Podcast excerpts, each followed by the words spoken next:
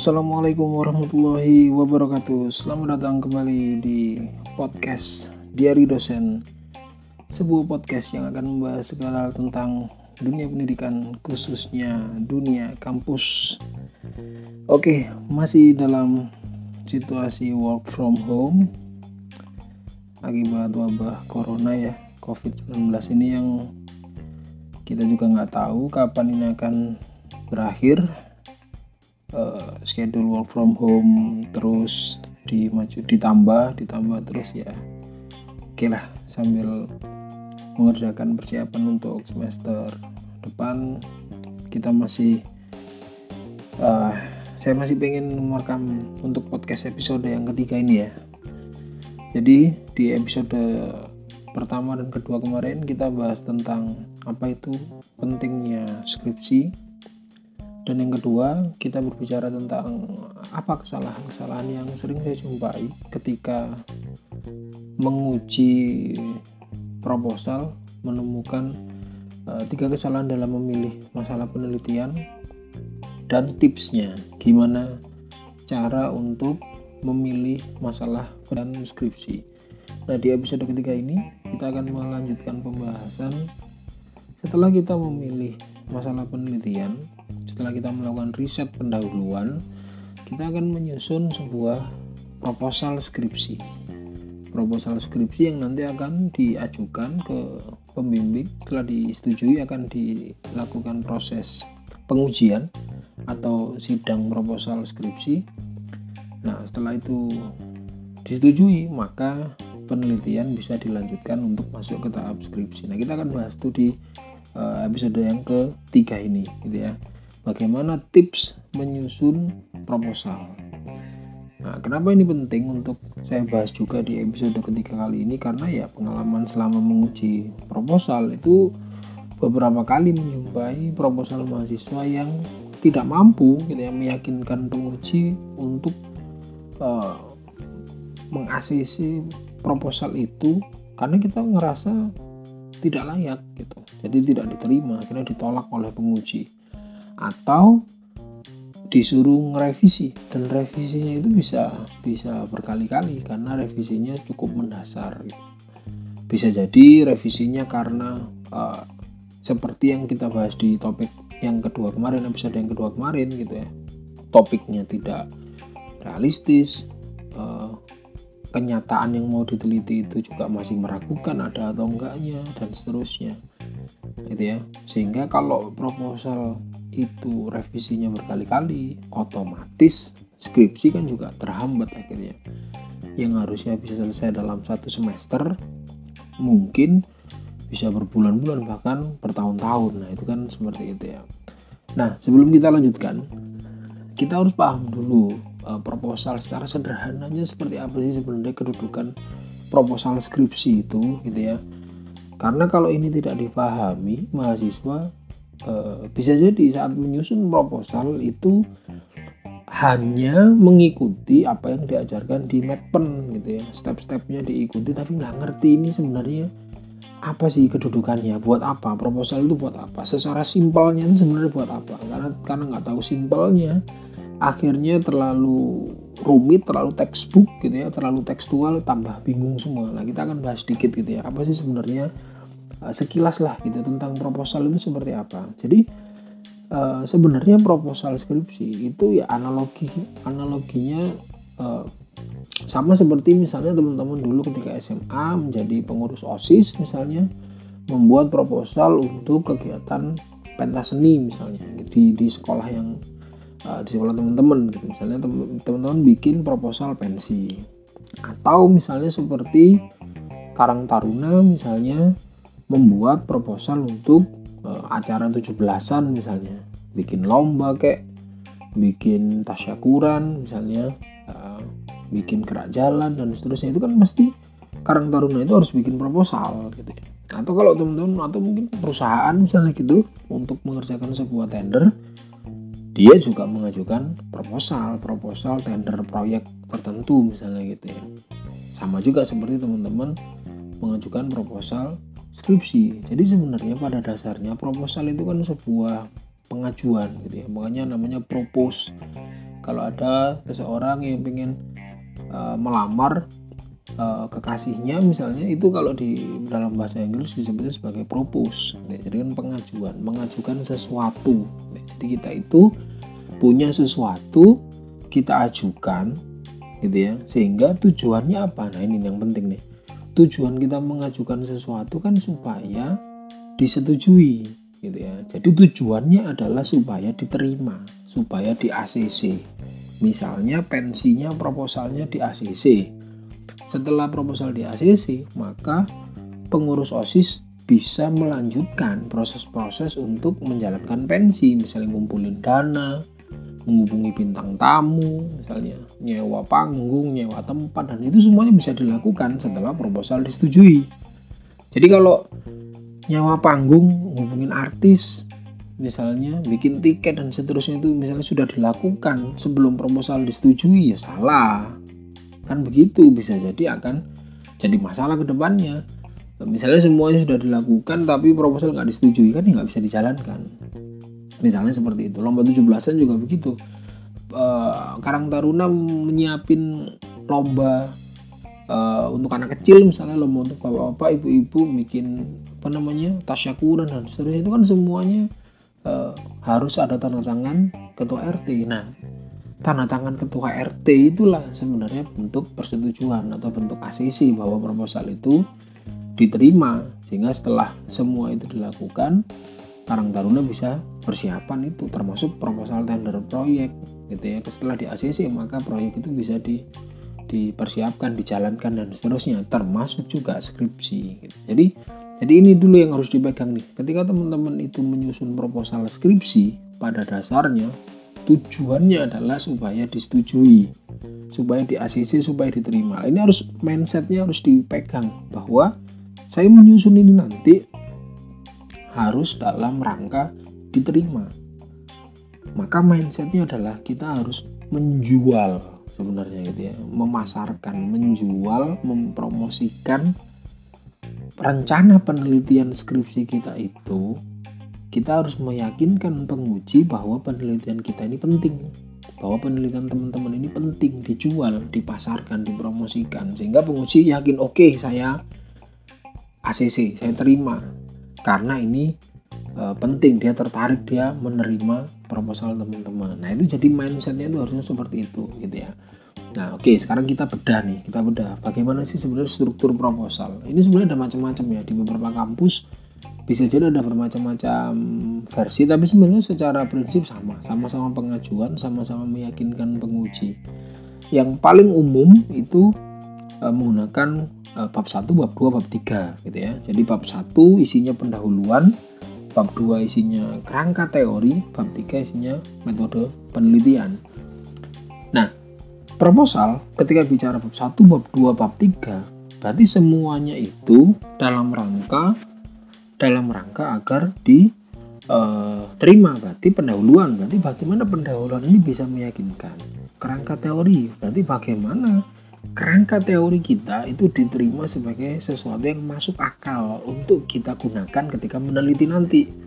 Termasuk metode penelitian. Metode penelitian kita ini adalah metode penelitian yang uh, apa namanya masuk akal sesuai dengan rencana penelitian. Jadi semuanya itu uh, adalah sebuah penjelasan planning. Planningku neliti itu gini loh, itu seperti itu. Misalnya di pendahuluan, ya di bab satu pendahuluan. Sebenarnya kan di pendahuluan itu nggak usah saya detailkan ya. Itu nanti uh, teman-teman adalah banyak di buku tentang Medpen itu kan dijelaskan semua ya. Uh, latar belakang identifikasi dan batasan masalah rumusan masalahnya tujuan penelitiannya ya lalu manfaat penelitiannya itu apa. Uh, termasuk juga penelitian-penelitian terdahulu yang barangkali beririsan dengan rencana penelitian teman-teman itu. Jadi dari semua uh, unsur-unsur yang ada di bab satu itu gitu ya itu sebenarnya apa sih kuncinya? Kuncinya kan sebenarnya di bab pendahuluan adalah teman-teman ingin menjelaskan kepada penguji bahwa satu penelitian anda penting. Ya saya ulang ya. Satu bahwa penelitian teman-teman itu penting untuk dilakukan. Jadi bukan misalnya teman-teman men pengen meneliti tentang strategi pemasaran Apple misalnya gitu ya. Jadi penting itu bukan bahwa pemasaran penting iya itu semuanya juga sudah tahu. Promosi penting iya semuanya juga sudah tahu. Penguji juga sudah tahu. Jadi bukan itu yang ditekankan. Yang ditekankan adalah penelitianku yang ingin meneliti strategi promosinya Apple itu loh penting. Jadi yang penting itu penelitianmu bukan teorinya. Gitu ya. Jadi harus di bedakan supaya tidak uh, terjadi kerancuan gitu ya. Satu teman-teman meyakinkan bahwa penelitian saya penting pak. Ini loh alasannya. Latar belakangnya batasan masalahnya rumusan masalahnya tujuan manfaat itu semuanya menjelaskan bahwa penelitianmu penting. Nah yang kedua kenapa juga dijelaskan penelitian terdahulu penelitian-penelitian terdahulu yang barangkali beririsan barangkali mirip tapi tidak sama, tapi tidak identik adalah menunjukkan bahwa penelitian teman-teman itu orisinil. Apa sebenarnya originalitas yang teman-teman tawarkan? Nah, gitu ya, originalitas yang teman-teman tawarkan kepada penguji. Boleh jadi originalitasnya dari sisi keunikannya, belum pernah diteliti sebelumnya, kekiniannya, misalnya gitu ya, atau uh, kedudukan penelitianmu di dalam bangunan uh, bangunan ilmu pengetahuan itu di mananya sih gitu. jadi tolong bisa meyakinkan ini belum banyak yang meneliti pak misalnya begitu ini belum banyak yang meneliti bahkan belum ada yang meneliti maka kedudukan penelitian saya di sini loh gitu. jadi poinnya dua itu ketika teman-teman menyusun mindset yang harus dipegang adalah bahwa pendahuluan saya harus mampu meyakinkan bahwa penelitian itu penting karena unik karena apa namanya uh, dia memiliki satu apa namanya uh, kemajuan memiliki sebuah teknologi yang mungkin menarik dan seterusnya dari topik yang kita teliti itu. Yang kedua ini orisinil belum pernah ada yang meneliti. Sehingga ketika dua hal itu ber, uh, bersatu gitu ya kombinasi dua hal itu maka penguji akan yakin bahwa wih iya ini skripsi ini ternyata penting untuk dilakukan dan uh, orisinil nggak nyontek nggak plagiat. Nggak nyontek nggak plagiat itu yang penting ya. Kata kuncinya itu nggak nyontek nggak plagiat gitu ya. jadi ketika teman-teman menyusun bab satu sekali lagi tujuannya adalah meyakinkan penguji meyakinkan pembimbing mempromosikan otomatis ya bahwa penelitianmu penting penelitian orisinil gitu ya sehingga nanti nyusun latar belakang nyusun identifikasi dan batasan masalah nyusun rumusan masalah ya menjelaskan tujuan menjelaskan manfaat itu dalam rangka dua hal tadi itu gitu ya. Ya mungkin bahasa pemasarannya gitu ya bahasa sehari harinya itu bisa dikatakan ngecap lah kira-kira gitu ya ngecap. Nggak ada kan kecap nomor 2 nomor 3 ya selalu kecap saya nomor satu nah, jadi seperti itu. Cuman kan ini semuanya kita lakukan uh, berdasarkan bukti gitu ya based on data bu. Jadi bukan bukan ngecap yang uh, bohong gitu ya. Tidak. Ini maksudnya bukan bohong ya. Jadi ngecapnya adalah ngecap yang berdasarkan kualitas-kualitas yang memang kita miliki. Makanya ada riset pendahuluan riset pendahuluan itu untuk meyakinkan diri kita sendiri bahwa ini memang uh, apa namanya bagus gitu. Memang bagus kita yakin bagus baru kita uh, buat bab satu di proposal. Gitu ya itu untuk bab satu. Yang kedua di bab dua gitu ya.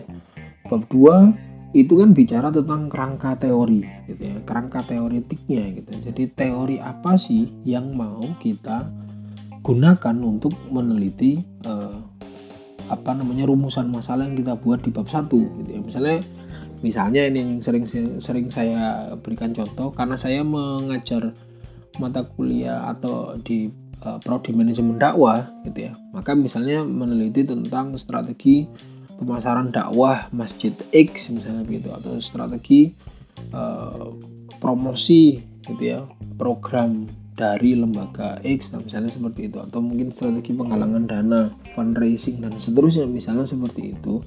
Maka kan teori yang kita gunakan untuk meneliti itu ya tentu saja harus relevan jelas gitu ya. Kalau nggak relevan kan ya gak nyambung. Misalnya kita meneliti tentang strategi uh, pemasaran uh, di Masjid X misalnya terus teorinya misalnya tentang uh, yang lainnya. Misalnya teori tentang manajemen SDM kan agak nyambung begitu ya.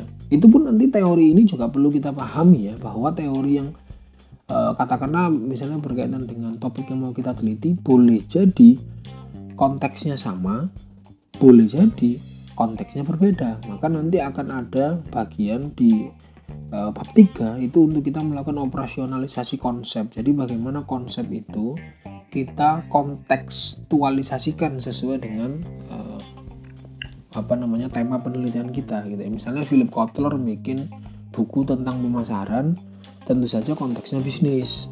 Ya kan? Philip Kotler uh, bisnis atau mungkin teori-teori tentang HRD gitu ya, teori-teori tentang apa uh, manajemen sumber daya manusia misalnya ya biasanya konteksnya dalam perusahaan bisnis tapi kan bisa jadi itu nanti juga uh, kita bisa operasionalkan dalam konteks misalnya perusahaan eh, sorry lembaga sosial misalnya atau lembaga dakwah misalnya seperti itu atau mungkin yang lainnya atau mungkin kalau teman-teman meneliti hubungan pengaruh misalnya gitu ya pengaruh uh, variabel x terhadap variabel y. Misalnya gitu ya korelasi variabel x dengan variabel y. Nah ini kan mesti nanti teori yang digunakan. Ya tentu saja yang terkait dengan hal itu gitu ya. Nah tipsnya bagaimana kita ketika menjelaskan uh, bab 2 ini yang sering saya temui kesalahannya adalah dia tuliskan semua teori-teori itu yang tidak semuanya apa ya yang bisa jadi tidak semua itu digunakan untuk menganalisis tuh yang ngapain gitu. Jadi misalnya uh, meneliti tentang uh, apa namanya manajemen strategis misalnya gitu ya di sebuah lembaga dakwah. Menstra menstra di sebuah lembaga dakwah itu di bab uh, duanya kerangka teori tidak perlu kita menjelaskan tentang apa itu manajemen, apa itu dakwah, apa itu manajemen dakwah. Ini nggak ada hubungannya karena kan ini bukan alat analisisnya. Alat analisis kita kan menstranya, gitu ya, menstranya, manajemen strategi. Jadi masjid ini atau lembaga dakwah ini kita sinyalir dia menerapkan menstra yang bagus maka kita ingin menggali lebih dalam ini misalnya penelitian kualitatif ya kita ingin melakukan eksplorasi secara mendalam bagaimana sih dia menjalankan itu supaya jadi inspirasi bagi lembaga-lembaga dakwah yang lain atau organisasi yang lainnya misalnya begitu. Maka alat analisisnya kan menstra.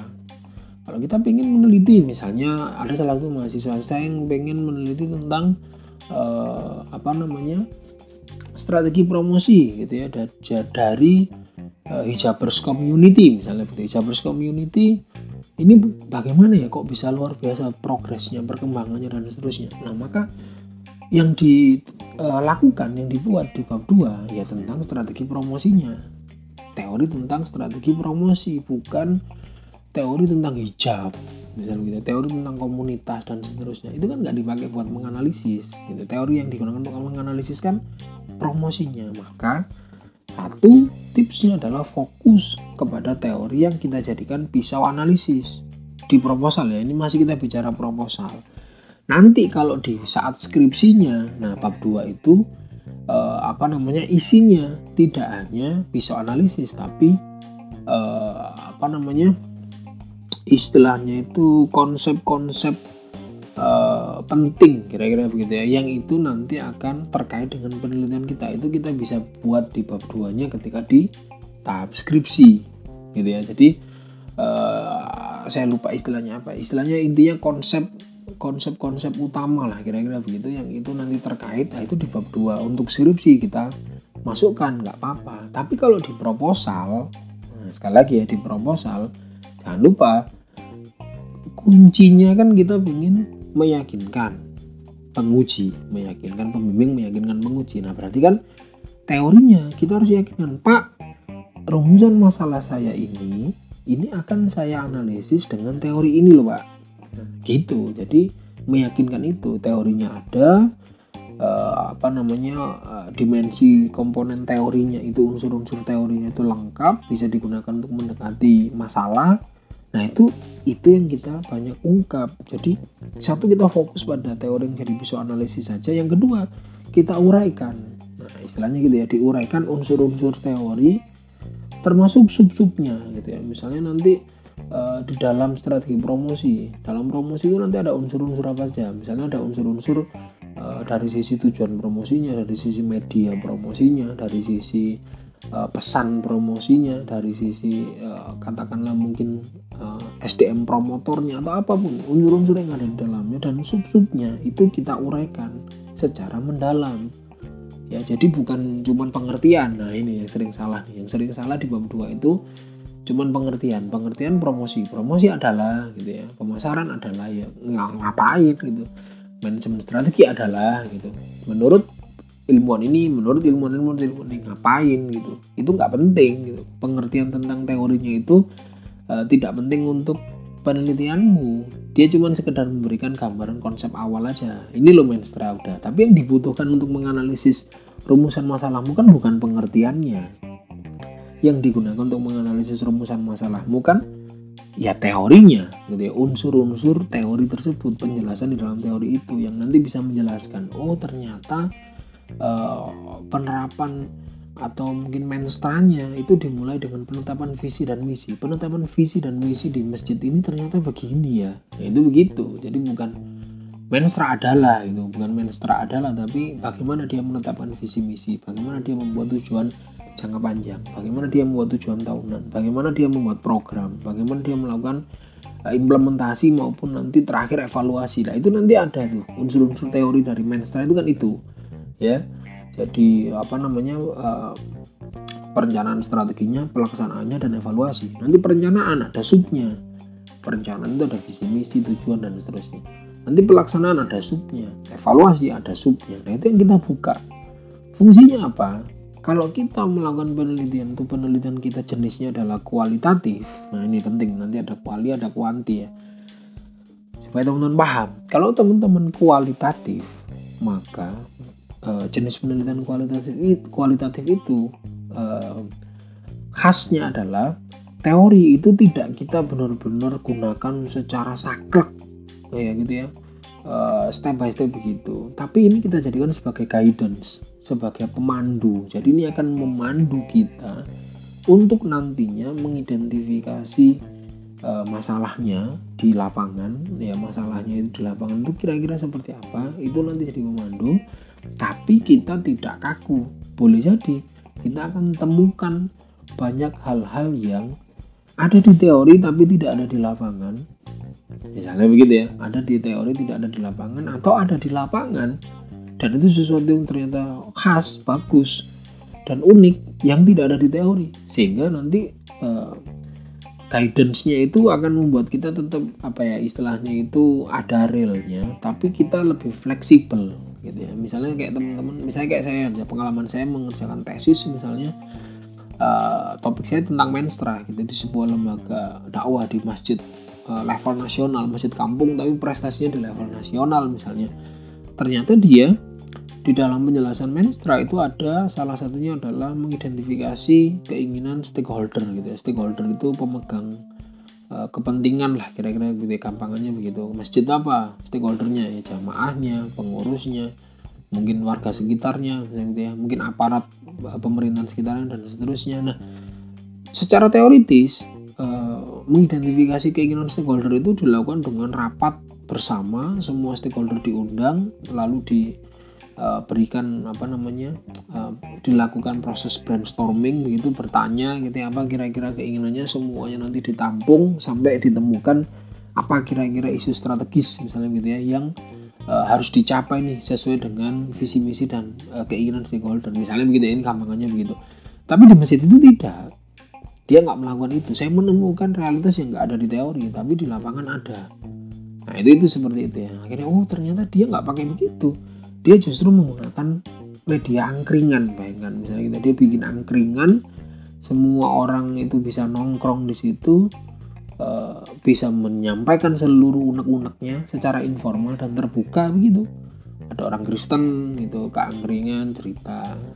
Jadi akhirnya masjid itu bisa tahu oh keinginan stakeholdernya yang beragama non muslim itu begini loh gitu. ada yang nggak pernah sholat ke masjid taruh ke angkringan dia cerita dia tahu uh, keinginan stakeholder dan seterusnya. Jadi semua stakeholder dirangkul dengan cara yang berbeda gitu ya dengan yang ada di teori. Dan itu nggak ada masalah. Di penelitian kualitatif itu nggak ada masalah gitu ya. Jadi kita eksplorasi secara mendalam.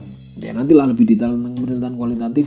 Mungkin saya jelaskan di uh, podcast edisi episode yang lain lah ya kira-kira begitu. Nah yang kedua untuk penelitian yang kuantitatif maka penjelasan unsur-unsur teori dan sub-subnya ini kan nanti akan menjadi pijakan kita membuat kuesioner. Gitu ya kuesioner atau instrumen angket gitu ya instrumen angket untuk kita nanti sebarkan ke uh, apa namanya uh, responden gitu ya atau ke sumber data misalnya begitu. Itu kan jadi kuesionernya. Tentang kualitatif kuantitatif mana yang lebih baik? Tidak ada yang lebih baik. Ini kan jenis masing-masing. Semuanya punya semuanya punya karakteristiknya masing-masing gitu ya. Misalnya seperti itu. Kalau kuantitatif biasanya meneliti pengaruh variabel x terhadap y. Ini seberapa besar pengaruhnya. Biasanya nanti akan ada statistiknya ada apa namanya uh, alat anal alat ujinya gitu ya. Alat uji secara secara kuantitatifnya pakai SPSS atau mungkin ada yang terbaru minitab dan seterusnya macam-macam gitu kira-kira seperti itu. Itu itu di bab 2 gitu ya. jadi bab 2 teman-teman meyakinkan bagaimana uh, teori yang digunakan itu bisa jelas unsur-unsurnya. Kalau kualitatif bisa dipakai sebagai guidance kalau kuantitatif penguji bisa tahu nih oh ini nanti kalau menuju ke kuesioner akan lurus nih.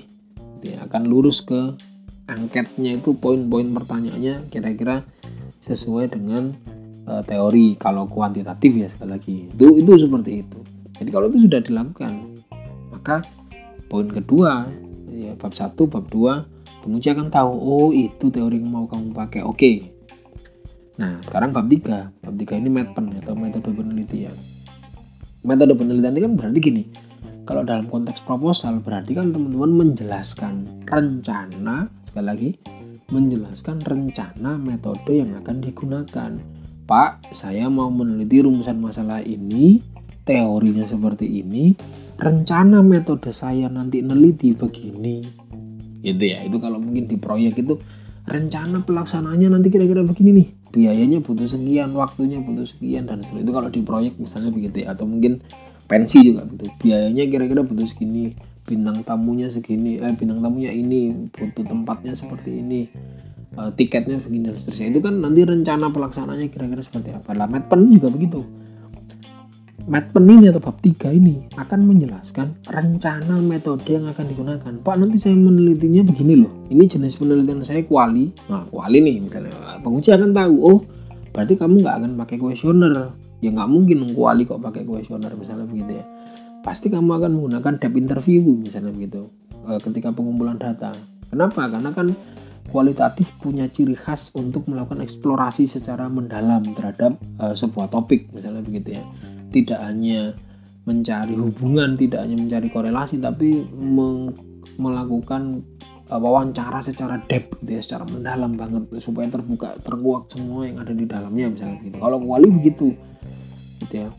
Uh, mungkin observasi misalnya gitu ya. Kalau kuanti ya kan mesti kamu akan melakukan pengumpulan datanya dengan nyebar angket, angket disebar ya nanti di apa namanya jawabannya dengan dengan kuesioner biasanya pertanyaan tertutup ada pilihan nanti dimasukkan ke uh, eh, SPSS nah dianalisis dan seterusnya. Nah maka uh, bab 3 itu begitu.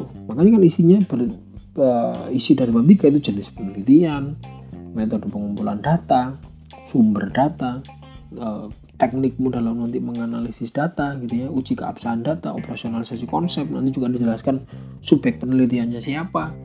Ya di masjid ini subjeknya siapa nih? Pak siapa? Dia sebagai apa? Dan seterusnya. Objek penelitiannya objek penelitian berarti uh, temanya gitu ya, atau masalah yang diteliti dari situ misalnya seperti itu. Itu berarti uh, seluruh uh, isi dari bab 3 jenis metode pengumpulan sumber data teknik analisis data uji keabsahan subjek penelitian, objek penelitian gitu ya, operasionalisasi konsep. Ini kan semuanya itu lebih detailnya bisa sekali lagi teman-teman pelajari di buku Medpen. Tapi maksud saya begini kuncinya apa? Kuncinya adalah teman-teman ingin memperjelas menjelaskan kepada uh, penguji pak ini loh rencana metode saya.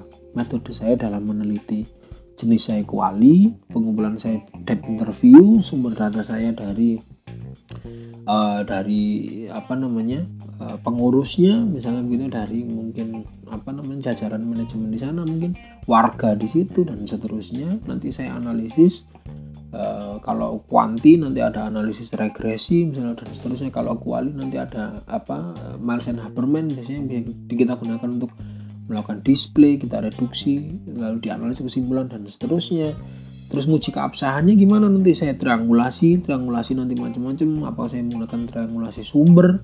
Apakah saya menggunakan triangulasi metode?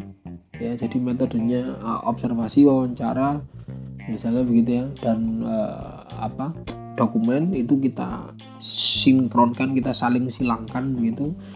Atau mungkin uh, triangulasi waktu kita lakukan penelitian di waktu yang berbeda konsisten nggak hasilnya atau macam-macam. Nah, intinya itu jelas gitu. Sehingga nanti penguji akan tahu oh berarti kamu rencanamu itu seperti itu ya gitu ya. Nanti ketika kamu ngumpulin oh rencanamu itu ngumpulin datanya begitu maka dia bisa tahu kan loh kalau kamu penelitianmu kuali pengumpulan datamu kok angket gak nyambung. Nah kan begitu mesti nanti akan ketahuan apa eh, kesalahannya. Makanya kita harus paham betul kita mau meneliti apa. Oh sumber datamu itu loh sumber datamu itu kira-kira bisa nggak menjawab rumusan masalah? Kayak, maka kita kan harus meyakinkan itu. Pak dengan pengumpulan data seperti ini saya bisa dapat data secara ideal. Dengan sumber data ini saya bisa dapat sumber data saya bisa dapat data secara ideal. Dengan teknik analisis seperti ini maka saya akan bisa menemukan kesimpulan data secara baik dengan uji keabsahan ini maka saya akan bisa uh, menguji bahwa data saya itu valid data saya itu absah. Data saya itu valid jadi bukan data yang keliru bukan hoax dan seterusnya. Kalau subjek penelitian saya ini maka dia relevan. Misalnya kayak saya kemarin saya ceritakan tadi misalnya tesis saya tentang menstra maka subjek subjek penelitian saya tentu saja harus top manajemen karena menstra itu kan urusannya top manajemen gitu ya top manajemen dari sebuah organisasi. Maka saya meneliti tentang ketua umumnya pengurus intinya dan seterusnya. Subjeknya harus benar-benar kredibel gitu ya. Kalau kita meneliti menstra lalu yang kita wawancarai mohon maaf misalnya uh, eh, OB-nya misalnya gitu ya atau mungkin kalau di masjid itu misalnya apa namanya uh, marbotnya ya gak kredibel ya meragukan loh kamu ini urusan menstra kok mau wawancarai marbot gitu ya. Itu seperti kecuali kita meneliti tentang strategi uh, apa namanya katakanlah kebersihan misalnya gitu ya kebersihan dari masjid itu ya atau mungkin marbot bisa tahu. Tapi kalau menstra kan lebih makro misalnya seperti itu. Nah nanti ketika itu sudah kita lakukan maka kita akan mampu meyakinkan oh kalau begitu oke okay, berarti metode penelitianmu ini bisa mencapai tujuan penelitianmu. Nanti bisa dapat kesimpulan yang baik dan seterusnya. Itu itu seperti itu gitu ya. Sehingga eh, apa istilahnya ketika kita memproposal dengan mindset menjual dan meyakinkan nah kita pahami tadi ya bab satu tujuannya menunjukkan penelitian kita penting penelitian kita rasional sorry orisinal oh, rasional. Penelitian kita orisinal. Bab dua menunjukkan atau menjelaskan teori yang akan kita pakai itu fokus teorinya unsur-unsurnya terpahami unsur-unsur teorinya terpahami sehingga penguji yakin bab 3 penguji tahu bahwa rencana metode kita itu memang bisa mendekati masalah yang kita mau teliti sehingga kesimpulan bisa kita temukan dengan baik. Lagi insya Allah kalau teman-teman menyusun dengan mindset seperti ini lalu diajukan itu nanti ketika ditanyai pembimbing sekalipun kita siap kita siap. Kenapa kita siap? Karena kita tahu yang kita lakukan itu apa. Karena kita tahu yang kita lakukan itu untuk mencapai apa. Bukan hanya textbook. Ya pokoknya menurut buku Medpen gitu pak. Ya jangan begitu. Kalau teman-teman nggak paham kedudukannya nggak bisa jelasin ke pembimbing pembimbing nggak yakin. Kalau pembimbing nggak yakin ya nggak di ACC ACC kalau nggak di ACC ACC ya nggak sidang-sidang. Kalau nggak sidang-sidang ya kan nggak skripsi-skripsi kan begitu ya. Nanti penguji juga gitu kalau penguji nggak yakin ya nggak di ACC bisa ditolak pengajuan kita karena dianggap uh, penelitian kita nggak penting misalnya penelitian kita nggak orisinil misalnya atau teori kita nggak relevan misalnya dengan apa namanya masalah yang mau diteliti atau rencana metode kita yang dianggap wah kalau metode begitu nggak bisa nyampe tujuan nah karena itu kan bisa nggak meyakinkan bisa ditolak dan seterusnya. Itu kira-kira seperti itu ya sharing uh, pengalaman saya sebagai dosen dalam membimbing menguji skripsi. Uh, semoga bisa uh, sedikit ya memberikan insight untuk teman-teman mahasiswa. Saya tidak bahas secara teknis ya secara mendalam itu nanti teknis bisalah dipelajari sendiri atau ditanyakan ke dosen pembimbing teman-teman atau di buku metode-metode penelitian itu banyak lah tentang itu. Tapi saya banyak saya bicara tentang uh, filosofisnya lah kira-kira begitu ya filosofisnya sederhananya itu begitu loh gitu loh. Kedudukannya masing-masing begitu loh. Itu harus dipegang itu harus dipegang. Sehingga nanti bisa mengerjakannya uh, sesuai dengan kedudukannya ketika sidang.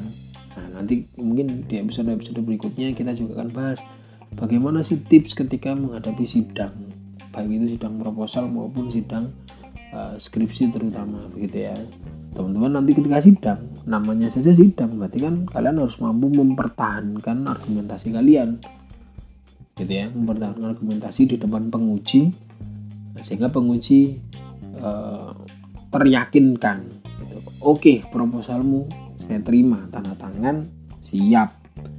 Lanjut ke penelitian. Nah bab 4 nanti bab 4 bab 5 itu kan nanti di tahap berikutnya. Terjun meneliti kumpulin data dianalisis sampai kesimpulan itu nanti mungkin di uh, pembahasan-pembahasan berikutnya saja gitu ya mungkin itu yang bisa saya share. Sekali lagi uh, mohon maaf kalau nanti banyak kekurangan secara teknis di podcast ini. Sekali lagi ini podcast yang saya buat memang uh, apa ya untuk menyalurkan aja lah gitu ya dalam masa-masa work from home ini. Selain saya mempersiapkan bahan pembelajaran yang juga nggak tahu itu nanti akan dimulai bulan apa. Kalau wabah COVID-19 ini nggak selesai-selesai itu ya tapi kita tetap persiapkan selain persiapan semester itu saya juga lah ini bikin podcast inilah kira-kira untuk uh, apa namanya me meluapkan keresahan-keresahan ketika selama ini sebagai dosen berkecimpung di dunia pembimbing atau penguji skripsi gitu ya. Semoga ini bisa berguna untuk teman-teman.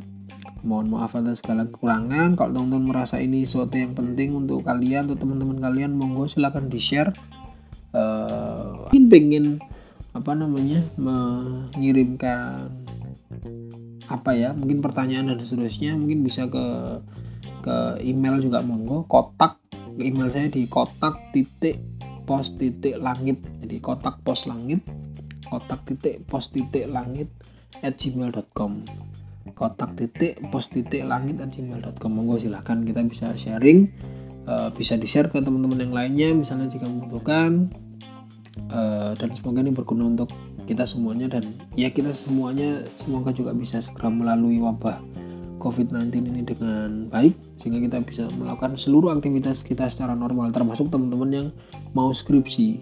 Wah, skripsi kalau harus from home kan terbatas ya cuman bisa sumber datanya dokumen tertulis saja gitu atau pustaka ya. Padahal kan jadi teman-teman teliti juga ada yang lapangan ada yang observasi ada yang wawancara dan seterusnya. Nah itu kan kalau kena covid-19 juga nggak bisa berjalan ideal ya. Semoga bisa segera selesai lah sehingga teman-teman bisa juga segera menyelesaikan skripsi dan lulus dengan baik. Oke mungkin itu yang bisa saya sampaikan. Terima kasih dan mohon maaf atas segala kekurangan. Saya akhiri. Assalamualaikum warahmatullahi wabarakatuh